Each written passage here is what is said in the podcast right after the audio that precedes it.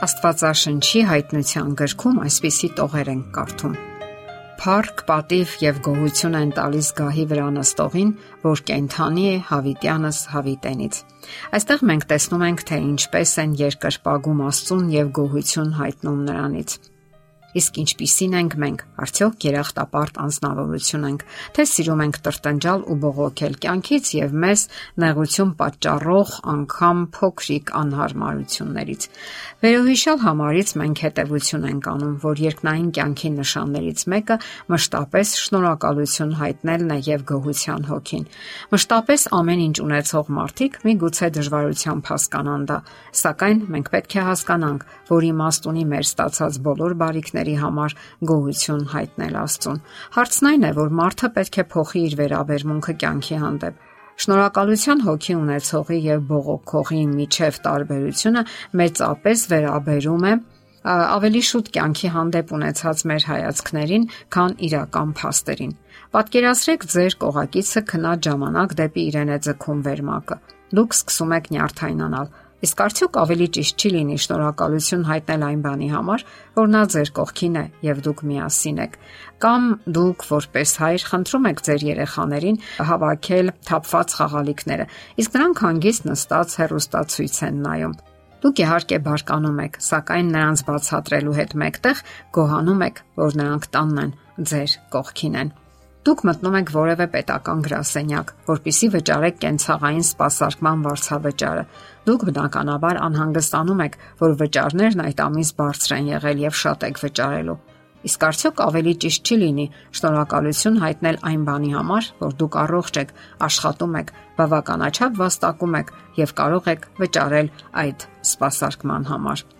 Պատկերացրեք, որ դուք տուն եք մտնում եւ տեսնում, որ ձեր երեխաների ընկերները հյուր են եկել եւ ձեր տունը անկարգ վիճակում է։ Դուք իհարկե հուզվում եք բարկանում, սակայն կարող եք ճիշտն ասելուն զուգընթաց գոհանալ այն բանի համար, որ ձեր երեխաները ունեն ընկերներ եւ այնքան են վստահում ձեզ, որ տուն են հravirել իրենց ընկերներին։ Իսկ միգուցե դուք մտածում եք, որ այնքան էլ շատ հակուստ չունեք, ինչպես ասենք ձեր ավելի հարուստ հարևանը կամ բարեկամը եւ փոխանակ նյարդայնանալու կամ նախանձելու ավելի լավ կլինի շնորհակալ լինել Աստծոց այն բանի համար, որ բավականաչափ ուտելիք ունեք սառնարանում եւ կարող եք վաստակել ձեր հանապազորյա կարիքները հոգալու համար։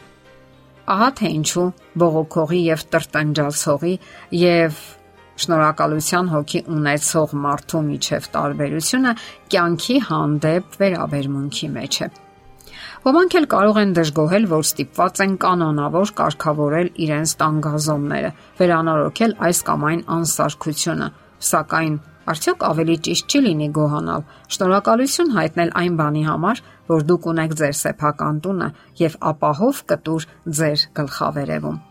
Շատ մարդիկ բողոքում են սեփական երկրի կառավարությունից, իսկ մտածում են նրանք, որ այդ պահին երիտասարդ տղաներն անքուն եւ զգոն վտանգի ենթարկելով իրենց կյանքը ապահովում են նրանց խաղաղքունն ու անվտանգությունը։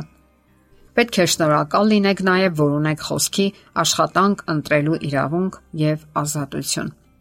Մեկ այլ իրավիճակ՝ դուք մոտենում եք մեքենաները կայանելու տարածքին եւ տեսնում, որ կամ ազատ տեղ չկա, կամ այն շատ է հեռու Բողոքելու փոխարեն կարող եք շնորհակալ լինել, որ ունեք մեքենա, քշելու հնարավորություն եւ ուժ, առողջություն, իսկ մնացածը առանձնակի դժվարություն չի ներկայացնում։ Դուք եկեղեցում եք եւ լսում եք, թե ինչպես է մեկը կեղծ նոտաներով երգում կամ նվագում։ Սկսում եք նյարդայնանալ ու դժգոհել բայց հիշեք, որ դուք հիանալի լսողություն ունեք եւ դա իսկապես Աստվածային ապարքև է, որ տրված է ձեզ։ Մի պահ դուք տեսնում եք, թե որքան հակուստ է հավաքվել կամ մի պահ դուք տեսնում եք, թե որքան հակուստ է հավաքվել լվալու համար եւ սկսում եք տրտնջալ։ Իսկ միգուցե շնորհակալ լինեք, որ ընտանիքով այդքան հակուստ ունեք։ Նաև լվացքի մեքենան Մնացածը պարզապես տեխնիկական հիմնախնդիր է, որ աստիճանաբար կլուծվի։ Մի խոսքով, գալիս է երեկոն, դուք հոգնած եք, ձեր մկանները նվում են հոգնությունից եւ բողոքի ու դժգոհության ալիք է բարձրանում ձեր ներսում, բայց հիշեք, դուք դեռևս կարողանում եք աշխատել, վաստակել ձեր հանապազորյա հացը, եւ դա իսկապես մեծ առավելություն է շատ շատերի համեմատ։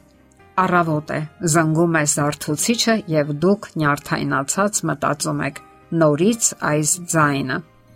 Իսկ միգուցե մտածեք. Ես կենթանի եմ, արտնացա ողջ եւ առողջ, ողջ օրը իմ դիմաց է եւ կարող եմ գործել։ Հրաշալի է, այնպես չէ։